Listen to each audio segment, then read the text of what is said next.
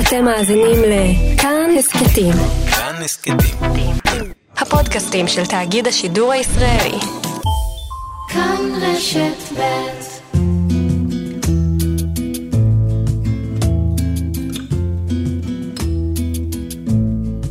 העולם הוא לא מקום הוגן. הטבע והחברה מחלקים דברים בצורה גם לא הוגנת ולעיתים בזבזנית ולעיתים קמצנית. אני חושב שיש כאלה שיזכו ליותר מאהבה גדולה אחת בחייהם, ויש יותר מאשר אדם אחד שמתאים להם מאוד. ויש כאלה שיכול להיות שיחפשו כל ימיהם ולא ימצאו, או שאולי יש להם רק אחד. כלומר, אני לא חושב שזה משהו של גורל, אלא יותר משהו של כלכלה. כלומר, יש היצע וביקוש, יש דברים שאתה תיחשף אליהם, יש דברים שאתה בא אליהם, יש פתיחות שאתה מגיע איתה, והעניין יהיה איך תנהל את הקשר הטוב שתמצא.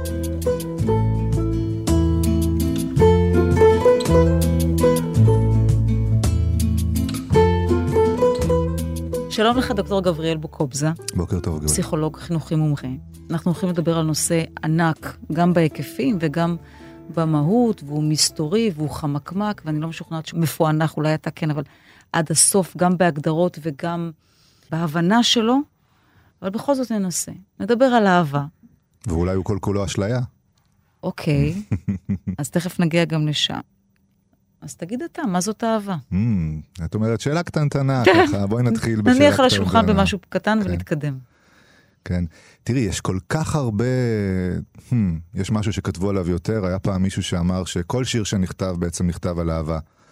אה, והיום אה, ידברו על זה גם אקדמאים וחוקרים ופסיכולוגים ונוירולוגים, ולא רק אה, משוררים וסופרים. ויש את מי שחווה ויש את מי שרוצה לחוות, ויש את מי שמתגעגע ויש את מי שמכור. ויש את מי שטוען שזו בעצם סוג של אובססיה, ויש את מי שיטען מרמה ביולוגית שזו פשוט הדרך של הטבע לשכנע אותנו שכדאי להתרבות. אז uh, הדבר הגדול ביותר לגבי האהבה, אני נו- נוטה להסכים עם מה שאת אמרתי, שקודם כל היא נעלם מאוד גדול, ובו זמנית גביע קדוש שאנחנו רוצים שיהיה בידיים שלנו. ועכשיו צאו לשחק. כלומר, מצד אחד אתם לא תדעו את החוקים, מצד שני אתם נורא רוצים לנצח במשחק הזה. וככה ככה נראה משחק נצח האהבה. במובן זה שאתה רוצה שיהיה לך את זה. שיהיה לך גם להרגיש אהוב וגם אה, לאהוב, שזה גם שני דברים שונים לגמרי. גם על זה יש לפעמים מחלוקות, מה, מה, מה, מה, יותר כדאי, להיות אהוב. למה ו- למה לא גם וגם, אם אפשר תמיד- למקסם? לא תמיד זה אפשרי, את יודעת, הרבה פעמים במערכות יחסים צד אחד יותר אוהב או מעוניין או מושקע בקשר מהצד האחר, וזה זה לא דבר נדיר. כלומר, אפילו אני חושב שזה הרוב. אז אנחנו נדבר על כמה דגמים של מערכות יחסים אה, בהקשר הזה. יש אבל סרגל אובייקטיבי כלשהו, יש פרמטרים אובייקטיביים. אני יודעת לנסח את זה במילים, לומר, יש מתאהב ויש אוהב, ויש, אני אומרת בזכר, אני מתכוונת גם לנקבה, ויש דלוק, ויש מחבב, ויש אה, מעריך, נשמע קצת משחק של אה, אמת או חובה, אבל אני יודעת לומר את זה במילים. יש סרגל אובייקטיבי של רגשות שאתה אומר, אני, לא רואים אותי בבית, אבל אני אומר, ככה, ככה מלא זה אוהב, וככה קצת פחות זה מחבב, ויש אפילו פחות מזה. את יודעת, את מזכירה לי, כשהיינו ילדים, היינו משחקים משחק ביסודי, שהיינו יושבים במעגל, והיית צריכה להגיד אה, מה את מרגישה כלפי בנות בכיתה או כלפי בנים בכיתה, והמדרג, זה מצחיק, המדרג היה אוהב, מחבב, מסמפת, מעריץ. כי לא הבנו את המושגים. מעריץ היה בסוף? האחרון, אוקיי. כי לא הבנו את המושגים. אוקיי, אצלנו מעריך היה בסוף. מעריך, זהו, מעריץ היה נשמע לנו פחות ממסמפת, כן. שזה... אה, זה מאוד מאוד תלוי בגישה. תראי, אם... אה, אני, אני, אני פחות אוהב את החלוקות האלה, אם תיקחי מישהו שבאמת, אה, למשל, חוקר את הנושא דרך סקרים, והוא פשוט שואל אנשים, עד כמה מ-1 עד 10 או מ-1 עד 100 אתה מרגיש שאתה אוהב או מאוהב או אהבת וכן הלאה, אז תוכלי בקלות באמת לייצר איזה שהן קטגוריות. אבל האחד עד מאה שלי הוא אחר מהאחד עד מאה שלך. בדיוק, לכן אני לא אוהב את זה, זה אחר.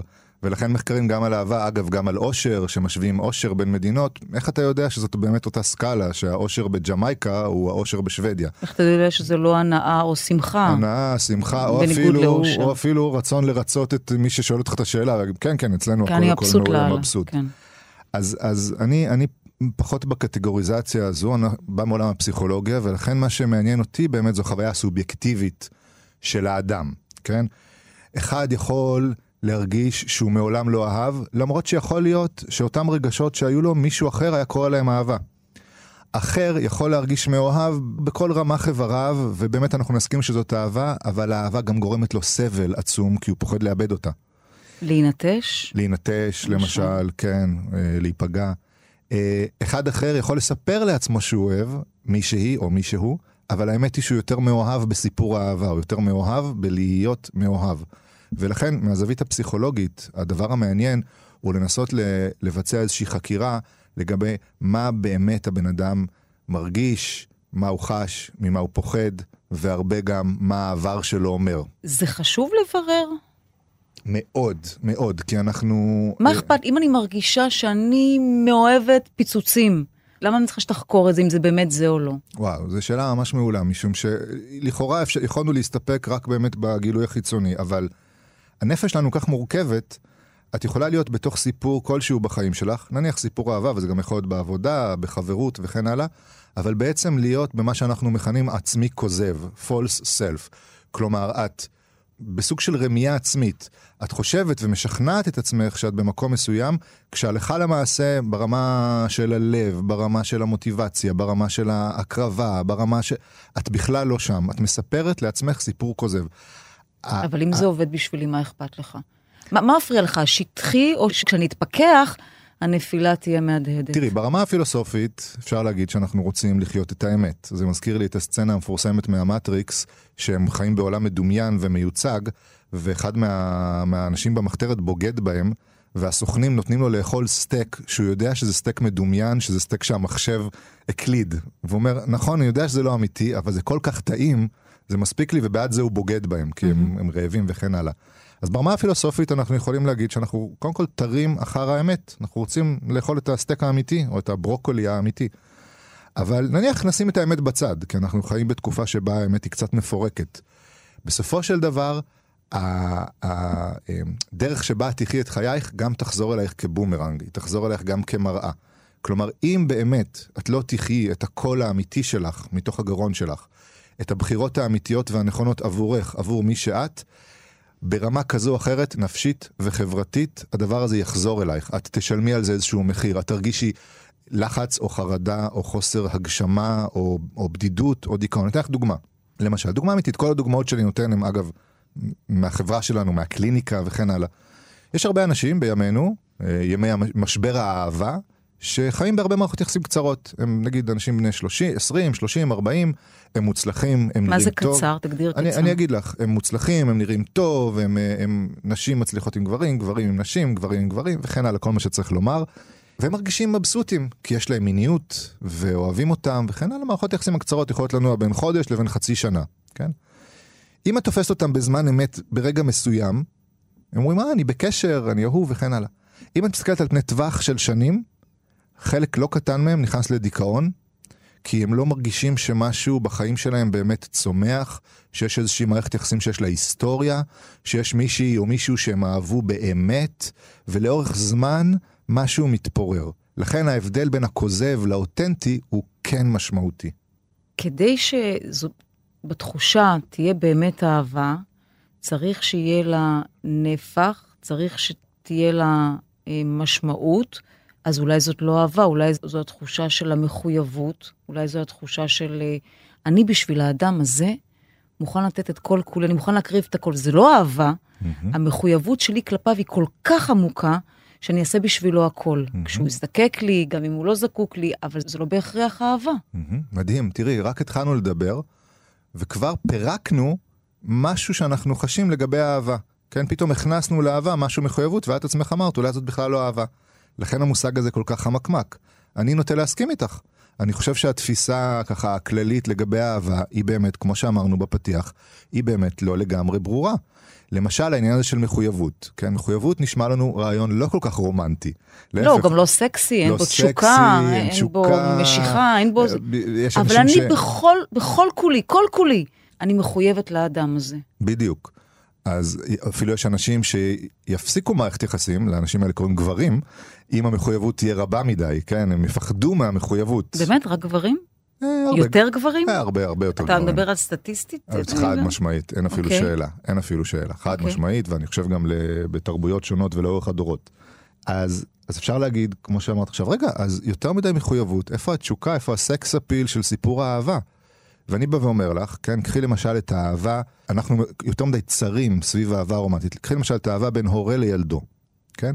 האהבה בין הורה לילדו היא אהבה מאוד מאוד טוטאלית, כן? כשהדברים באמת עובדים כמו שצריך. היא אהבה מאוד חזקה. היא אהבה שאחד המרכיבים העיקריים בה זאת התמסרות ומחויבות מאוד חזקה, שכוללת בתוכה גם סבל. כלומר, אתה עובד בשביל הילד, אתה מקריב דברים בשבילו, אתה יכול להקריב זמן, שינה, קריירה, כל מיני דברים, ואתה כל כך אוהב אותו, אתה מסור לו, האהבה הזאת, אהבת אם לילדה, גם אהבת אב כמובן בעיניי, כמעט אין שני לה במובן מסוים. וזאת אהבה, א', אין, אין בה את הצד הרומנטי, יש בה מאוד את הצד המחויב, ויש בה גם צד של ייסורים, או לפחות הקרבה כזו או אחרת, ועדיין היא שיא הפירמידה של האהבה.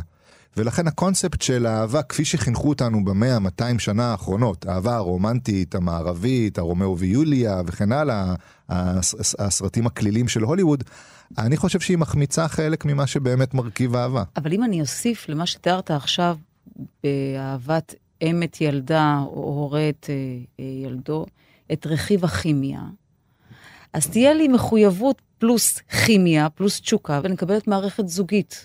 שהיא בוערת, שהיא נכון, אהבה. נכון, אם יש לך באמת גם את הרכיב של התשוקה, עכשיו אנחנו מדברים על אנשים בוגרים, גם את הרכיב של התשוקה, גם את הרכיב של המחויבות, גם את הרכיב של חברות, כן, של, שיש באמת משהו שהוא נאמנות, דומה, נאמנות וכן הלאה. כבוד, הערכה הדדית. כבוד הדדי, הערכה, תקשורת טובה, כן, יכולת ניהול קונפליקטים, כל מיני דברים כאלה.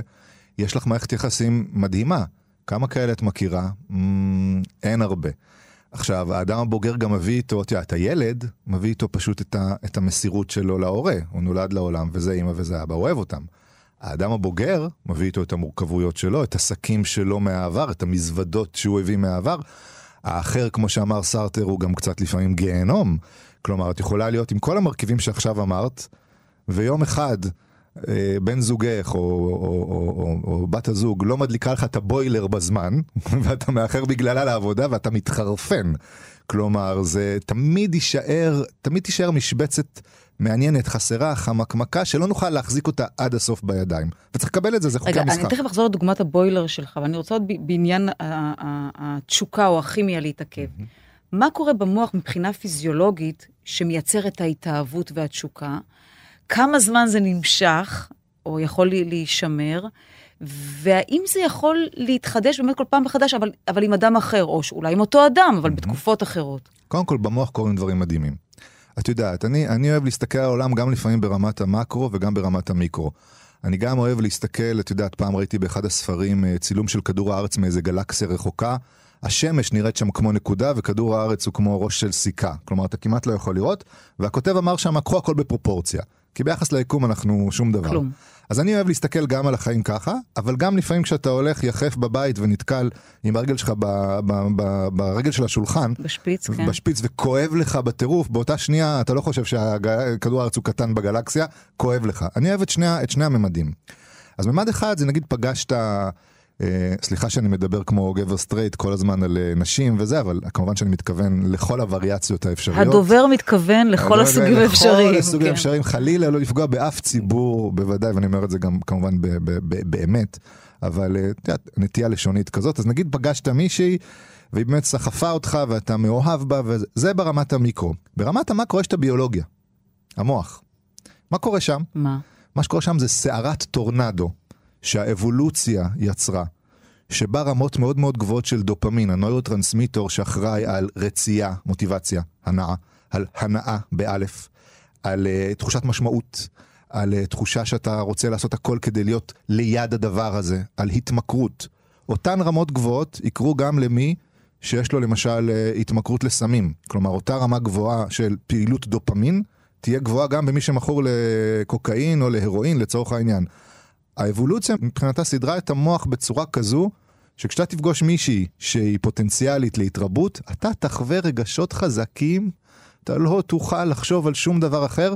כמובן שאם הטבע רוצה פשוט שאתם תזדווגו, תתרבו, ותתרבו, ותעבירו את הגנים שלכם הלאה, בדיוק כמו שהאריה והלוויה מיוחמים, ובדיוק כמו שהתנין משריץ את, אה, כן, מטיל את ביצה ואת ילד, או באותו אופן. אבל החוויה שלך תהיה חוויה אנושית של אהבה, אתה תכתוב לה שירים, אתה תשאיר לה סרנדה, אתה תזמין אותה למסעדות וכן הלאה. אבל במוח אתה נשלט על ידי הביולוגיה שמספרת לך סיפור שאחרי כמה חודשים לא יעזור לך בית דין, הוא ירד. כן? כי הביולוגיה ביצעה את פעולתה, היא חיברה ביניכם. אבל אז עכשיו, אי אפשר לשמר את זה, אי אפשר לשחזר את זה. ברמה הזאת של הטירוף אי אפשר, ואני גם לא חושב שכדאי. כי... כמעט מאוד כאילו עובד על נורה אדומה כל הזמן. כל הזמן. מודלק כל הזמן. הזמן, כל הזמן המנוע עובד על הטורים הכי גבוהים, זה מאוד קשה. עכשיו, אנחנו יצורים גם חברתיים ואנושיים, אנחנו לא רק יצורי, יצירי הביולוגיה. הביולוגיה אבל מסדרת את, ה, את התפאורה, זה ברור. היא אומרת לנו, הנה, אתה רואה אותה והיא מדליקה, אתה לא יודע שזה משהו מוחי. אבל את המחזה, שאחר כך אה, מתרחש על הבמה, כמובן בני האדם יוצרים. כלומר, אחרי שאני, למשל, כן, אה, נמשכתי וכן הלאה, ואפילו, את יודעת מה, יש לנו ילד משותף. אני לא כמו אבא דוב, אבא נמר, אבא אריה, שמבחינתם הצאצאים צריכים לגדול רחוק מהם. אני אבא אנושי. כלומר, אני גם רוצה מערכת יחסים עם האישה, אני גם רוצה ביטחון, או עם הגבר כמובן, אני גם רוצה ביטחון, אני גם, אני גם רוצה תמיכה, אני גם רוצה מערכת יחסים שהיא מעניינת, למרות שהרכיב התשוקתי של הביולוגיה, הוא בטוח ירד קצת. במצב הזה, הטירוף הזה שתיארת, ההידלקות הגדולה הזו, אתה רואה את הפגמים של הבן זוג, בת זוג, אבל מתעלם מהם, או שאתה לא רואה אותם? Mm, איזה כיף, ממש שאלה שמתאימה לי מאוד. כי ראשית, כמובן שאנחנו קצרי רואי כשאנחנו מתאהבים, אנשים יודעים את זה, זה מהניסיון שלהם. נשאלת השאלה, מה, מה באמת קורה שם? לפי, שוב, כמו שאמרנו, לפי הביולוגיה, אז כמובן ההורמונים והנוירוטרנסמיטורים מסמאים את עיניך ממטרה מסוימת. זה בסדר, קיבלנו. ברמה הפסיכולוגית, מה שקורה, תחשבי, כשרק נפגשים, אני אפילו נגיד, אפילו אחרי השבוע, שבועיים, חודשיים הראשונים, אתה עדיין לא באמת מכיר את האדם האחר עד הסוף. אין לך סיכוי להכיר אותו עד הסוף. הוא עצמו לא מכיר את עצמו עד הסוף אה, כך מעט זמן. אנחנו משליכים על האחר המון מהפנטזיות שלנו, מהמאוויים שלנו. אנחנו הרי מתאווים למשהו, יש לנו פנטזיות, יש לנו תשוקות. ולכן אנחנו משליכים אותו על מי שהוא עבר איזשהו סף, בדרך כלל במראה. הסף אצלך, אתה מתכוון. כן, הסף אצלך. אוקיי. בדרך כלל במראה. או ב- לפעמים זה אפילו ברמה הפרומונית, ברמת הריח, במראה, אולי אה, משהו של סטטוס. זה לא שונה, סליחה שאני קוטעת אותך, אצל גברים ונשים, כלומר, אצל, אצל גברים מספיק הרבה פחות בשביל להידלק. אני חושבת שפעם יורם יובל אמר לי את זה. מס- מספיקה תמונה של מישהי, העיניים שלה. המראה שלה, ואצל אישה אתה צריך טיפה יותר. את צריכה שהוא גם ידבר, את צריכה טיפה לשמוע אותו, את צריכה לראות דברים נוספים. זה נכון, זה שוב קשור לטבע שנתן לנו תפקידים שונים, אנחנו באמת צריכים לבוא, ושוב פעם, ברמה הביולוגית, לחזר אחריכן, כמו רוב הזכרים בטבע, כדי שנמצא חן ביניכם, כדי שתסכימו, שוב, ברמה הביולוגית בלבד, אה, ללדת את ילדינו. כלומר, בשבילך זה סיכון הרבה יותר גדול מאשר בשבילי. אז במובן הזה, כן, הגבר הוא הרבה יותר צייד ומחפש ומסתכל. אני מתאר לעצמי שהרבה גברים יזדהו עם מה שאני אומר, שאתה לפעמים יכול ללכת ברחוב ולהתאהב בעשר נשים. ברחוב עד שהגעת הביתה ולחשוב שבאמת כל אחת מהן יכלה להיות סיפור אהבה מדהים. אבל בהקשר של הפגמים, אם אני זקוקה לטיפה יותר, אני כאישה זקוקה ליותר בשביל להתאהב, אז אני רואה את הפגמים של הגבר, הר, הרבה אני מגלה אותם כבר בשלב הזה, ולמרות זאת אני רוצה אותו? אז אני אומר, בטח כשאנחנו מדברים על גילאים צעירים, הרבה פחות כשאנחנו עדיין לא אה, מלאים בצלקות של החיים ושל מערכות יחסים ושל פרדות שעברנו, כשאנחנו עדיין צעירים, אנחנו קופצים לתוך הבריכה הזאת בלי לברר לפני כן את הטמפרטורה של המים. אם אפשר לשחות או אז זו שמתגנים, קפיצת או ראש. שמתגנים אותנו והבריכה בתוכה. אולי ריקה, אבל או אנחנו עדיין ריקה, קופצים. או שהטמפרטורה 100 מעל, אני לא יודעים מה יהיה הגורל שלנו, מדמיינים, כן, ככה הפסיכולוגים, אה, ז'אק לקאן, הפסיכואנליטיקן הצרפתי, נהג לומר, שאין דבר כזה יחסים בין המינים, כי, כי אין אף פעם מפגש, כי תמיד המפגש הוא שלי עם הדמיון שלי שמושלך עלייך. אף פעם אין באמת מפגש אמיתי בין שנינו. אני תמיד מדמיין אותך, אני אומר, וואו, איזה עיניים, וואו, מאיזה משפחה היא באה. וואו, היא, היא, היא בדיוק מתאימה לדימוי, הכל קורה והיא אצלי טובה בזה, והיא בראש. נפלאה והיא בזה. נפלאה וזה, ואז כמובן אני גם מסתיר את ה... אני לא אוהב את המילה פגמים, אבל אני מסתיר את הדברים שפחות מתאימים לי, ואני יוצר איזה פיגמליון, כן? יוצר איזה, איזה בובה שהיא עכשיו חיה לפי מה שאני חושב, זה לא רק עניין גברי, גם, או פטריארכלי, גם, גם נשים עושות את זה. את יודעת, לפעמים אתה מדבר נגיד בקליניקה עם נשים סופר חכמות, אינטליגנטיות, מוצלחות, באמת, חדות ממך פי כמה וכמה, והן מדברות על הגבר שהן יוצאות איתן, והכל שם בלבול ודיסאוריינטציה אחד שלם. למה? כי זה קורה, גם לגברים וגם לנשים, ההשלכה הזאת של הדבר החמקמק הזה, שאתה לא לגמרי תופס את המציאות, לוקח לך זמן להכיר באמת כמה את זמן בן לוקח? בת הזוג, חודשים ושנים, לוקח לך להכיר. שנים? כן, להכיר באמת, כי מי שאתה צריך קודם כל להכיר זה את עצמך, איך אתה מתמודד איתה, ולמה נמשכת דווקא אליה, וממה התעלמת, כן? אני, אתן- אני אתן לך דוגמה, כן? דוגמה קיצונית, אבל רק כדי כזה לסבר את האוזן. למשל, הרבה פעמים אנשים בוגדנים הם אנשים מאוד קנאים. אנשים בוגדנים שיש להם נטייה לבוגדנות, לבגידה במערכת יחסים, אתה מדבר על סדרתיים? או סדרתיים, או לא, כי אמרת בוגד... אנשים כן, בוגדנים, כן, אז כן, אוקיי. בוגדנים, כן. מאוד קנאים. עכשיו, אתה שואל, רגע, איך זה יכול להיות? אתה עצמך או את עצמך לא נאמנה. אז מה את כל כך אובססיבית לגבי... כן, אבל זה בדיוק הפחד שיושב אצלם, שיעשו להם את מה שהם עשו. בעצמם. ואז הם רואים את העולם דרך המשקפיים האלה. עכשיו, הפרטנר הרבה פעמים יכול להיות בן אדם סופר נאמן, בכלל לא חושב על הדבר הזה, אבל הצד הקנאי, האובססיבי, שבוגד בעצמו, לא יניח לו. לאן הלכת ועם מי היית, או לאן הלכת, או את מי אתה אוהב, או את מי אתה רוצה, או למה עשית לה לייק, או למה לא עשית לה unfollow על האקסית שלך וכן הלאה. כשהוא עצמו, אתה משליך על האחר גם את המאוויים שלך, גם את הפחדים שלך, ולכן ההתמודדות, כשדיברנו על זמן, צריכה להיות בינך לבין עצמך. למה אתה כל כך מקנא? למה אתה כל כך פוחד? ממה אתה חושש? הדרך צריכה להיות יותר התבוננות במראה בתוך מערכת היחסים, מאשר להבין אז ולהכיר אתה אותה. צריך להשלים עם עצמך, או לאהוב את עצמך, כדי שתהיה מסוגל לאהוב את האחר בלי כל המשקעים שעכשיו מנית, או זה התנאי הראשון. זה- לאהוב את עצמך? זה התנאי הראשון. לאהוב את להיות עצמך, מפוקח, כלומר, להיות מודע לחלוטין למי אתה, ממש ככה. לאהוב את עצמך, במערכת יחסים או בכלל? ב- אנחנו מדברים כרגע על מערכת יחסים ועל אהבה, אהבה בוגרת ואהבה בשלה, ואהבה טובה ואהבה, כמו שאנחנו מדברים, אה, כן love last, כלומר האם האהבה, אחרי שנדלקה, האם היא יכולה להימשך. זה הרבה פעמים הקושי, כי להידלק אפשר, כמו שאמרתי, גם ברחוב. אבל האם אתה יכול לשמר את האהבה? זה יצטרך לבוא קודם כל דרך התבוננות. אמרת פגמים? אז פגמים אני מעדיף לדבר על הפגמים שלנו, שלי. תסתכל על הפגמים שלך, תראה על הפחדים שלך, את המשיכות שלך, ודרך זה תוכל טוב יותר לשמור על האהבה. כן, דרך בסוף אהבה עצמית, לא אהבה עצמית נרקסיסטית. אהבה עצמית שלהפך, שרואה לא, דווקא. חרף כל מה שאתה יודע על עצמך. אהבת החרף. עד, עדיין כן. תאהב, אני רק רוצה לומר למי שמצטרף אלינו, הוא מצטרפת אלינו עכשיו, שאנחנו משוחחים על אהבה, עם אה, דוקטור גבריאל אה, בוקובזה. ומה שאמרת עכשיו, קראתי איזה משהו, הוא היה משעשע סלאש כן, שכתב, אה, אני חושבת שזה היה ג'קי לוי, בסוף השבוע שעבר, והוא כתב על פרק ב', ואפילו פרק ג' של נישואים, הוא דיבר מתוך ניסיון, וגם אמר, בפרק ב', אתה כבר יודע הכל, או יודע לא מעט, ובכל זאת אתה בוחר להיכנס למערכת אה, זוגית, אז היא מה? אז היא בהכרח יותר טובה, יותר מפוקחת, עם יותר לקחים מפרק א' שהתפקשש לך? קודם כל אתה שועל קרבות ותיק, כשאתה נכנס לפרק ב' או לפרק ג', שזה, גם זה אישו בפני עצמו, את יודעת, יש את מי שראה הרבה, יש את מי שראה הרבה יותר מדי. כלומר, יש את מי שצולק פעם או פעמיים, יש את מי שצולק עד כדי כך שהוא כבר לא יכול לתת אמון.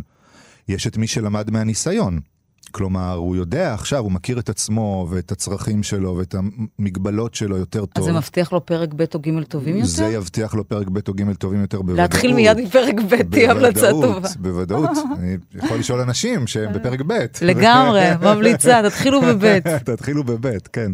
בכלל, תתחילו בדייט שני, תתחילו בפרק ב', תתחילו... אני חושבת שגם בהקשר טוב. הזה אתה, אתה יודע, בהנחה שאתה טיפה יותר מודע, מהם הצרכים שלך, מה אתה יכול לתת, ומהי האהבה בעיניך, מה אתה מרגיש מהמם, לאורך זמן, מהמם. שלא היה בפרק א'. וגם העיניים שלך יותר פקוחות. אתה, אתה פחות מונע על ידי רק תשוקות וחרדות, שהרבה פעמים זה הדברים שמניעים בהתחלה. אתה יכול לקחת דברים יותר בצורה מבוסתת, לעשות איזו רגולציה של הרגש. אתה לא צריך להיות uh, בהיסטריה סביב הדבר הזה. אתה יותר בוגר, אתה לעיתים, אתה גם יותר איטי. אתה כבר לא בן 18 מטורלל, אתה קצת יותר איטי, אתה יכול לקחת דברים, יש עוד דברים בעולם שלך שהם בעלי משמעות. את יודעת, נגיד אהבות נכזבות ראשונות, זה דבר מאוד קשה. כי בגיל 15 או 16 או 18 או 20, כשבפעם הראשונה נשבר לך הלב, אתה כמעט לא יכול לדמיין את המשך העולם אחר כך. וכשאתה מתבגר, אתה מבין, אה, לא, דווקא העולם אחר כך נמשך. אה, בסדר, כאילו, אה, יכול להיות שתבוא עוד אהבה. יש לך כבר ניסיון. והדבר הזה הוא מחזק אותך, והוא הופך אותך להרבה יותר בטוח בתוך הקשר, ומי שיותר בטוח בתוך הקשר, יכול להיות הוא עצמו ביתר קלות, ואז באמת הסיכוי לפרק ב' הוא בדרך כלל יותר טוב. שוב, אני אומר, גם יש אנשים ש... אה, גם פרקי ב' יכולים בדיוק, אבל סטטיסטית אתה אמור... סטטיסטית כן. אני אומר, אבל גם יש את מוכן. שבאים כבר למערכות היחסים הבאות שלהם כבר, כבר פצועים וזבי דם, כלומר, הם כבר אין להם אמון. זה אמר ליאונרד כהן, הוא אמר יפה ב- ב- ב- בסוף ימיו.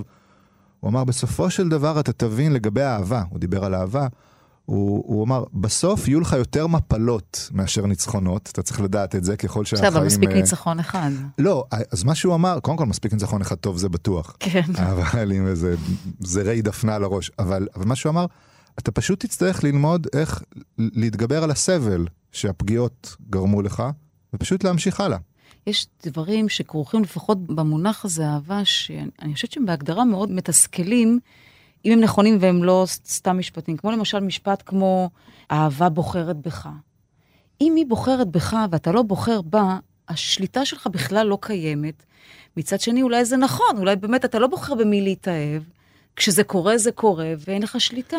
תראי, האהבה בוחרת בך, זה, זה, זה משפט שבא לבטא באמת את חוסר האונים שלנו לפעמים אל מול האהבה, ולעיתים את חוסר ההבנה שלנו מדוע התאהבנו דווקא במישהו ספציפי ולא במישהו אחר. אני זוכר כשהתאהבתי בשנה ב' בחוג לפסיכולוגיה, אה, אהבה במבט ראשון, הסתובבתי למי שישבה לידי עם הטלטלים הפזורים שלה ועיני השקד היפות שלה, פשוט הסתובבתי ובום, משהו קרה, פשוט התאהבתי, היא יצאה עם מישהו אחר באותו זמן, המתנתי, חיזרתי אחריה, ואחרי איזה, לא יודע, הרבה זמן, איזה ארבעה, חמישה חודשים יצאנו, והיינו איזה שנה, שנה וחצי ביחד. אבל באותו רגע התאהבתי בה. ללא שליטה, האהבה בחרה בי. אבל האם באמת האהבה בחרה בי ברמה, את יודעת, קופדון ירה חץ, או יכול להיות, נגיד, שוב, יגידו הפסיכולוגים, שהקהל בבית המאזין לא ייבהלו, אולי היא דומה לאימא שלי. כלומר, זה דבר שפסיכולוגים מדברים עליו. כלומר, עד אולי כמה- דומה לך, אולי דומה לי. אולי ההפך ממך. אולי ההפך מאימא שלי, כן. אולי היא הפנטזיה שלי במשך שנים. אם באמת הבחירה היא לגמרי שלך, אז אם יש שתי סטודנטיות מהממות, אחת תפוסה ואחת לא, אתה תלך על הלא תפוסה. לא אם תמתין. הבחירה היא רק שלי, אבל הנפש שלנו כל כך כל כך מורכבת. למישהו יצא לחלום לאחרונה, החלימה שלנו מראה איזה תיאטרון וקולנוע ו- ו- ותעשייה הוליוודית קורית שם מאחורי הקלעים. פתאום אתה, אתה עף ורודפים אחריך, ואתה נמצא עם אחיך ברכב, אבל פתאום הוא לא אחיך, הוא לטאה, ודברים קורים וכן הלאה. מה זה? זה לא כאוס.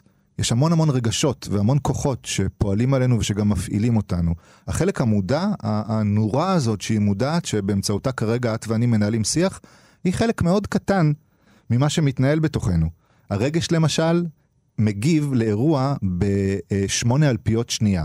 המודעות ב-40 אלפיות שנייה. עכשיו תגידי, טוב, אלפיות שנייה זה, אבל זה פי חמש זמן. Mm-hmm. כלומר, מערכות הרגש במוח, האמיגדלה וכן הלאה, יודעות פי חמש זמן לפני שהמודעות יודעת מה קרה, הן כבר יודעות מה קרה ואיך להגיב, הן כבר הגיבו.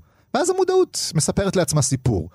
לכן באותו רגע של ברק, כשהתאהבת, אתה אומר האהבה בחרה, לא, אבל כל כך הרבה כוחות פעלו שם את פעולתם, כדי שזה יקרה. כדי שזה יקרה, פשוט לך, בחלק המודע שלך, לא הייתה שליטה, לא שאלו אותך באמת. כמה בני זוג, אגב, דברים שטיפה מפחידים בהקשר הזה של משפטים, מתאימים לך בסוף, פוטנציאלית? כי יש, אתה יודע, יש את המשפטים שאומרים, אי שם, בקצה העולם, ממתינה הנפש התאומה שלך. החצי שלך. האדם שאתם ביחד, זה, זה הלב הזה שמתחבר טוב באמצע, זה אתם. שזאת מחשבה סופר מפחידה, כי אם יש רק אחד כזה אי שם, בקצה, מה הסיכוי שאני אמצא אותו? זו שאלה טובה. אני בגישה, אני לא יודע... אלא אם כן. יש יותר מאחד. כן. אני, קודם כל לפעמים השאלה טובה מהתשובה. זאת שאלה טובה, אני באמת לא יודע מה התשובה. אני בגישה שהעולם הוא לא מקום הוגן. ודברים מחולקים בצורה, הטבע והחברה מחלקים דברים בצורה גם לא הוגנת ולעיתים בזבזנית ולעיתים קמצנית. אני חושב שיש כאלה שיזכו ליותר מאהבה גדולה אחת בחייהם, ויש יותר מאשר אדם אחד שמתאים להם מאוד, ויש כאלה שיכול להיות שיחפשו כל ימיהם ולא ימצאו, או שאולי יש להם רק אחד. כלומר, אני לא חושב שזה משהו של גורל, אלא יותר משהו של כלכלה. כלומר, יש אה, היצע וביקוש, יש דברים שאתה תיחשף אליהם, יש דברים שאתה בא אליהם, יש פתיחות שאתה מגיע אה, איתה, והעניין יהיה איך תנהל את הקשר הטוב שתמצא. כי גם אם מצאת את האדם הזה שהסתתר, את יודעת, כזה כמו כל הס- הסיפורים, פרח לב הזהב, הוא הסתתר בקצה העולם. אחר כך תצטרכי לנהל איתו מערכת יחסים. אם הוא כל כך מתאים לך, יש סכנה שאתם תהיו בסימביוזה. כן? שהקשר ביניכם יהיה כל כך חזק, שלא יהיה אוויר וחמצן בקשר, האינדיבידואליות תיפגע, ואז תהיה לך רתיעה מהקשר ואז הזה. בדרך כלל אחד נבלע בשני. אחד נבלע בשני. אחד הופך להיות דומיננטי והשני לא, לא זה- קיים, או הרבה פעמים זה מה שקורה, הרבה פעמים, ויש איזה מין, קוראים לזה פסיכוזה בשניים. יש איזה מין אה, מעגל אה, טרפת כזה של השניים שנמצאים ביחסים הדומיננטיים האלה, אחד דומיננטי, אחד פחות, אבל בעיקר ביחסים הסימביוטיים שהם אחוזים זה בזרועות זה, חזק מדי, ללא יכולת לראות את המציאות. אני זוכר מישהו שפעם סיפר לי על ערב אהבה שהיה לו כזה, הם ישבו באיזשהו מקום בתל אביב, אוהבים ומתנשקים ומתחבקים, ואז כשהם פקחו את עיניהם הם ראו שגנבו להם את התיק ואת הסלולרי ואת הכל. כלומר, אתה כבר לא במציאות, ואתה במובן הזה בסכנה. אתה גם מאבד את האינדיבידואליות שלך, ובשלב מסוים אה, אתה יכול, את יודעת, כמו אה, גברתי ענווה, כן? או, אה, פיגמליון? אה, או, אוקיי. אה, או פיגמליון, או אני הול, שוודי אלן אה, עשה, עשה על זה את ההומאז' שלו. שאוקיי, את מגיעה ויש מישהו שהוא מדהים והוא מעריץ וכן הלאה, ואת לומדת ממנו ואת אוהבת אותו וזה, ובשלב מסוים, את אומרת, רגע, אבל איפה אני בתוך זה? איפה האינדיבידואליות שלי? איפה המסע שלי? ופתאום האהבה הגדולה הופכת מה לרתיעה. אם זה לא מפריע לי? טוב, זה יכול לא להפריע, אני אומר, אני לא, אומר, כי- אז זה יהיה שאלה איך תנהלי את יש זה. מערכות יחסים לא שוויוניות, שזה נשמע על הפנים, אבל אולי תמיד זה לא שוויוני. אולי בסוף אתה, אם אתה בוחר במישהו, אתה, אתה בוחר את הפנטזיה שלך, אתה בוחר את זה שהוא בהגדרה מישהו שאתה, הוא, הוא אדיר בעיניך, הוא נפלא, הוא גדול ממך אפילו. בסדר גמור. תראי, כל- כל החלטה צריך לכבד, וכל עוד זה גורם לך אושר ולא סבל, אין בעיה. אבל אני אומר, אפילו לשאלה אולי מסתתר רק אחד כזה, אפילו אם יש רק אחד כזה, הדרך שבה תצטרכי לנהל איתו את מערכת היחסים היא חשובה.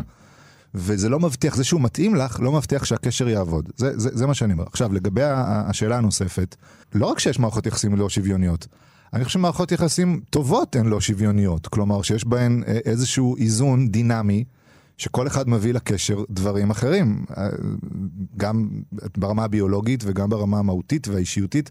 לא הייתי רוצה לצאת עם אח תאום שלי, זה היה בלתי נסבל, כלומר זה היה נחמד ביממה הראשונה, אבל אחר כך הייתי שונא אותו. אז אה, איזשהו חוסר איזון בוודאי שיש, אבל השאלה עד כמה רמת ההערצה לצד אחד, או רמת הדומיננטיות של צד אחד היא גדולה. אם היא גדולה מדי, יש סיכוי בשלב מסוים שהצד האחר ימרוד, ירצה משהו אחר, יחפש את עצמו, וזה קורה המון במערכות יחסים שהתחילו בהערצה ונגמרו בגירושין. דוקטור גבריאל בקובזה איתנו אה, באולפן, אה, אנחנו משוחחים על אהבה. בהקשר הזה של הדברים האחרונים שאמרת, יש משהו בלא מעט פרסומים, או מדברים על, על אהבה חולנית. אני חושבת שהמילה אהבה פה היא הלא נכונה, משום שמדובר במערכת יחסים חולנית. כלומר, אם. צד אחד הוא הצד, אני לא יודעת אם מתעלל, אבל הוא, הוא סדיסט במובן זה של הוא לוקח ולוקח ושולט ורכושני, אז זה סדיזם. ויש את הצד השני שמנגד מוכן לקבל את זה, או סופג את זה, או לא מוכן, אבל זה מה יש, בשם האהבה, אבל זה המזוכיזם. אז זאת לא אהבה חולנית, זו מערכת יחסים חולנית. חד משמעית. תראה, אני לא פוחד להחתים קצת את המילה אהבה, היא לא מילה קדושה בעיניי, כן? אהבה, אהבה יכולה להיות אה, לא בריאה. אבל אני מסכים איתך כמובן, זה מערכת יחסים. יש אנשים, את יודעת, אלוהים פיזר אותנו עם כל מיני תכונות. אז אם את לוקחת דוגמה קיצונית, לא חייבים ללכת לקיצון, אבל נגיד אה, מערכות יחסים נצלניות, אביוסיב, שבהם צד אחד הוא, הוא סופג, הוא הספוג, הוא לוקח, והוא לא נותן. הוא יכול להיות אביוסיב גם ברמה מילולית, גם ברמה פיזית, גם ברמה מינית. הוא יכול להיות ברמה הרגשית, אה, אה, מנצל או מתעלל וכן הלאה. יש אנשים, שוב, אלה דוגמאות קיצוניות, זה אני חושב אחד לאלף או משהו כזה, אבל זה לא שזה לא קיים, עם קווי אישיות פסיכופטיים. כשהם נכנסים למערכת יחסים, הצד השני קרוב לוודאי יגמור בבית חולים פסיכיאטרי. ושוב, אלה דוגמאות שאני מכיר, כלומר, זה אנשים שעל פניו יהיו מאוד מאוד כריזמטיים ומעניינים ומושכים וסקסיים. וגם זה מאוד שאתה מיניים איתם, והכל. אתה כמו- ועצם שאתה איתם, כן. והם גם ייתנו לך תשומת לב והכל, ובו זמנית הם יכולים לשקר ולבגוד ולפגוע ולנטוש ולהיעלם בבת אחת ו- ו- ו- ולהיות פתאום קרים אלה ופשוט פשוט להטריף את הצד השני. אז יש גם מערכות יחסים כאלה, שוב, אלה לא שכיחות, אבל גם לא, זה לא דברים שלא קורים במציאות. יש מקרים שבהם... את- אלה המקרים החולניים, כן, כן. דרך אגב, כן. כשיש כן. נגיד מקרה כזה, אתה אתה תגיד, אוקיי, במקרה כזה, עדיף בלי אהבה. יש גם אנשים שיכולים לחיות טוב לבד. חד משמעית. לבד לא בהכרח בודד, אבל, אבל, אבל לב, עדיף, לא צריכים את זה בהכרח. כן. קודם כל, מערכת יחסים פוגענית או מתעללת, או אה, כמו שתיארנו קודם, חולנית, עדיף להיות לבד, עדיף באמת זה להתרחק מזה. כן, אבל יש גם פשוט- אנשים שלא אני צר, מבין. לא צריכים. אני מבין, אני אומר, אבל תצא כל כך פגוע שעדיף להתרחק, זה בוודאי. יש גם אנשים שלא צריכים, שהקיום שלהם עם עצמם הוא מספיק להם, או שהם צריכים קיום מינימלי עם האחר. כלומר, נגיד אפילו מערכת יחסים, אבל בלי שתהיה בה יותר מדי תשוקה או אהבה, אלא האחר יהיה קיים שם. מה, בהחלט. חבר? כן, או חבר. נוכח או... בחיים, אבל... נוכח בחיים, או, או זוגיות כזאת, זוגיות, אני מדבר על קשר, כן? כמעט, אה, כמעט אפלטונית באיזשהו אופן. נגיד שרמת המיניות בה נמוכה, רמת התשוקה נמוכה, רמת הרגש נמוכה, יש איזה מין תפקוד יומיומי, את יודעת, כמו איזה מין אה, משהו תפעולי. כזה שיש מישהו, כן, יש מישהו לאכול את ארוחת ערב. יש את אלה שיצטרכו את זה ברמה הזאת, זה בסדר, כמו שאני אומר, חילקו אותנו באופן לא שוויוני בעולם הזה, ולא כולנו צריכים להיות רומאו ויוליה לצורך העניין, שזה גם זה לפעמים מסתיים בטרגדיה. אבל אני רוצה להגיד משהו אחר בהקשר הזה של הלבד. בהקשר שוב פעם של מערכות יחסים שעובדות. הדרך להגיע למערכת יחסים טובה זה באמת להיות מסוגל להיות לבד. כי גם בקשר, גם בקשר מערכת יחסים, קשר משפחתי עם ילדים וכן הלאה, הבדידות תהיה שם. אתה לא תוכל לחמוק לחלוטין מהעובדה שבסוף אתה יצור נבדל ואחד ולעיתים גם בודד, לפעמים גם הבדידות בזוגיות קשה יותר מהבדידות לבד, כי אתה צריך להכיל את הבדידות אל מול מישהו אחר. ולכן ההתמודדות עם הלבד צריכה לבוא לידי ביטוי גם אם אתה בזוגיות, מה שנקרא להכיל את עצמך, לשאת את עצמך, ולא שהאחר יהיה הפתרון הטוטלי לבדידות שלך, כי לעולם זה לא יהיה מספיק. יכול להיות שגם, אני לא מדברת רק, אתה יודע, על מערכות אה, יחסים לצורכי מין, אבל זה אפשרי יותר מאדם אחד, מהמם, הרגשות האלה. כמו שנתת דוגמת הילד, הורה והילד. מהמם. אתה אוהב את הילדים שלך, אתה אוהב גם את כל הילדים שלך. אגב, אני מאלה שאומרים, אתה לא אוהב, יסלחו לי, אבל אתה לא אוהב אותו דבר, הם לא יושבים לך על הלב, הם לא מתמקים. לך על הלב באופן דומה. אחד דומה לך מדי, אחד שונה ממך, אחד מפעיל אצלך משהו אחר. אני טוענת שזה לא אותו דבר. אז אולי גם ככה זה עם בני זוג, אתה יכול להיות עם זה, ועם זה, ועם זה רגשית, וכל אחד יפעיל אצלך אצל משהו אחר ותזדקק לכולם. בו זמנית? כן? אמ, אוקיי. קודם כל לגבי... לא אצל כולם, אבל יכול להיות דגם כזה, אני לא מדבר... כן, כן. קודם כל אני מסכים איתך לגבי ילדים. אני גם לא כך אוהב שאומרים את כולם אותו כולם הדבר. אני אוהב, אני אוהבת כולם אותו דבר, אותו דבר, אמ, אני לא לא משכנע. לא אני אגב. אוהב את כל הילדים שלי אותו דבר, ויש לי רק ילד אחד. אז זה אפשרי. אז פתרתי אוקיי. לעצמי את הבעיה הזאת. ונכון, זה לא עניין של כמות, זה אהבה אחרת ושונה, וזה, כמו שאמרת בתחילת הדברים, זאת מערכת יחסים גם עם הילדים, אז הן שונות. לגבי זוגיות, תראי, זה מורכב. בוודאי שיש לנו צרכים רגשיים שונים שמתקיימים בהווה. כלומר, אני יכול להיות מאוהב ולהימשך למישהי, ובו זמנית יכולה להיות לי חברה מאוד טובה, ויש לי קשרים אינטימיים לא מיניים, קשרים אינטימיים איתה ברמה של השיחה והשיח וכן הלאה, וגם עם שני חברים שלי, וגם עם בן דוד שלי. כלומר, יש לי כל הזמן הרבה צרכים רגשיים. אז זו לא בגידה? לא, רגשית? לא. מנטלית? ח... אני יודע נפשית? שיש שיח על זה, אבל אני חושב שחד משמעית לא, זה לקחת את המושג אה, בגידה ולעשות לו כזאת מתיחת פנים. אם אתה לא מסוגל לדבר עם בן או בת הזוג שלך, ואתה מסוגל לעשות את זה עם מישהו אחר ברמה אינטימית, זה לא בגידה רגשית? לא, ממש לא, אנחנו לא צריכים, לא, לא צריך להגזים.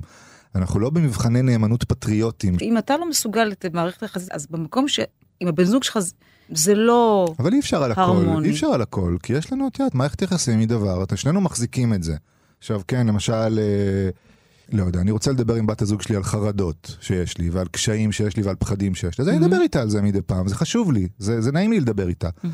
אבל אני לא רוצה שזה יהיה השיח העיקרי שלנו, אני רוצה שאנחנו גם נהנה, ואני רוצה שגם תהיה בינינו תשוקה, אני רוצה שגם נבלה, ושהיא תדבר איתי, ומדי פעם אני אדבר איתה, אבל נגיד אצל הפסיכולוג שלי, אני אדבר אך ורק. אז מה, אם אני בוגד ברגשית, אם ככה, אז כל מי שאצלי בקליניקה, אה, אה, כולם בוגדים בבני בנות הזוג שלהם. לא, ממש אבל לא. הדוגמה יש להם סוג אחר של קשר איתי, שהוא קשר מאוד מאוד חשוף, ובו זמנית הוא גם לא קשר אינטימי, כי זה רק שעה אחת בקליניקה בשבוע. אז זה הרבה הרבה יותר מורכב. ואני רק רוצה להתייחס לעניין הפולי-אמורי.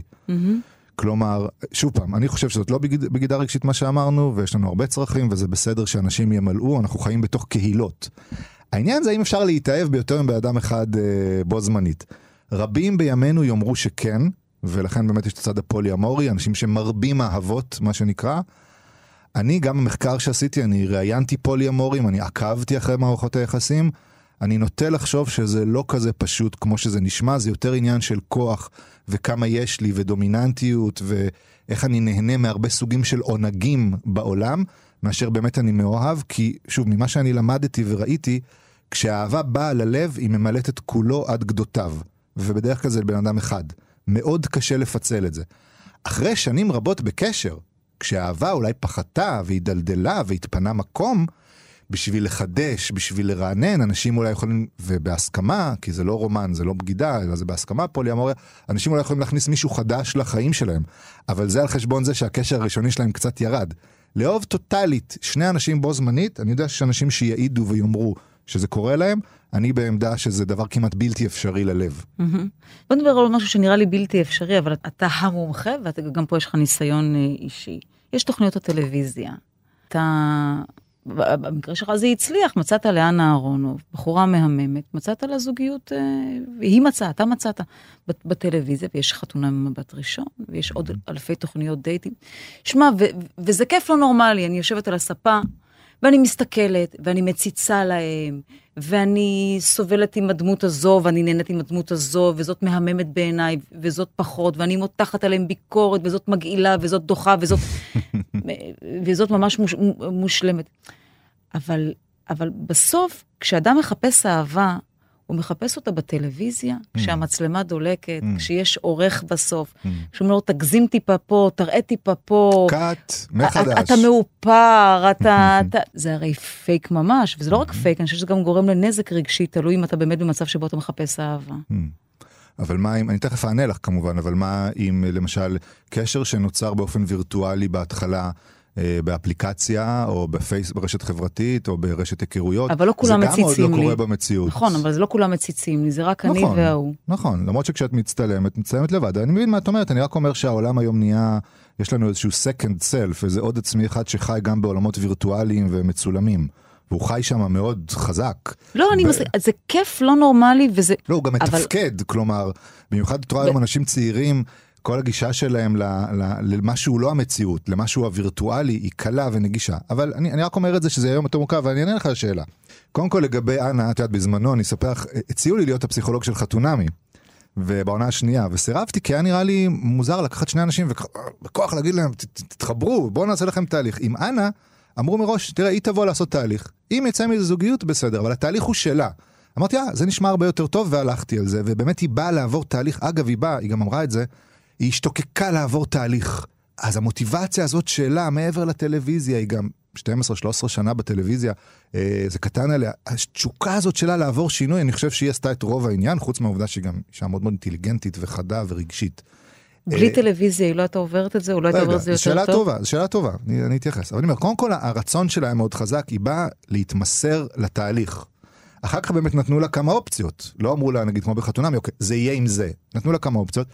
המלהקים עשו, צחי אליהו עשה עבודה מעולה, כשהוא אה, הביא את אייל, שבאמת היה מישהו שמאוד מאוד מתאים לה. אמ, ואז באמת נוצר משהו. אבל השאלה הטובה, באמת, את יודעת, הדייט הראשון שלהם, אני זוכר, הוא לקח אותה לבאולינג, והיו מצלמות, והיה במאי, והיו שני צלמים, וכן, וכן הלאה. למחרת ראיתי את הדייט המצולם, ואז יכולנו לדבר על הדייט, וכן הלאה. האם זה ה... האמת היא שהיום למצלמה יש כוח שבעבר לא היה לה. את יודעת, אנשים מתנהגים אחרת מול מצלמה. אנשים בהפגנות או בריאיון התנהגו אחרת מול מצלמה. אני כן חושב שהמצלמה איזשהו גורם שלישי שיכול לייצר תהליך שלישי שינוי... שלישי או שלילי? שלישי. כן. שיכול לייצר, מעבר לשניים, ש... שיכול לייצר תהליך שינוי. רואים את זה גם בתוכניות הריאליטי, שאנשים עוברים כל מיני אה, שינויים, וגם אפילו יכול לסנטז קשר או אהבה. יכול לעשות את זה אבל, עם הגורמים המתאימים. אבל הרוב לא מצליחים דרך הטלוויזיה. בדיוק. ואתה גם יושב בטלוויזיה ואתה אומר, רגע, החתיכה הזו, המהממת הזאת לא מוצאת, אז אני אמצא. המושלמת הזאת, המשכילה, הנהדרת, נדיבה ומהממת, היא, היא לא, ואני, איך אני אמצא? קודם כל זה קשה למצוא. אנחנו חיים היום באקלים רגשי ורומנטי קשוח. לא, לא פשוט. גם אה, גילאי הנישואין, שיעורי הגירושין, אה, רמות. אה, אה, בדידות, יש הרבה דברים שהם, אה, זה לא אקלים נוח היום לזוגיות ולאהבה. צעירים מדברים על מילת האלף, שאסור להגיד, אהבה. כאילו מותר סקס, מותר זה, מותר הכל, אבל אהבה, מה פתאום? אז א' זה באמת יותר קשה מאשר בעבר, בטח בדור של ההורים, שזה היה כאילו הבסיס, כאילו mm-hmm. בני 21, בני 21 היום זה ילדים.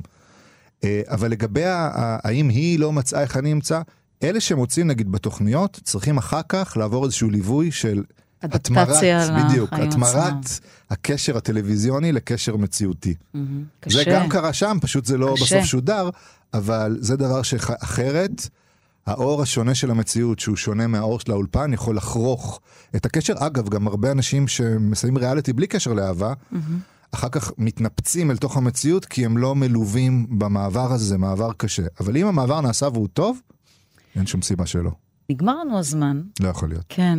כואב. אני יודעת, גם אהבה כואב. אהבה זה כואב. אבל אני רוצה לשאול אותך, כל מה שאתה יודע על אהבה, הופך אותך לאדם שמסוגל לנהל זוגיות טובה יותר, איכותית יותר, לאורך זמן.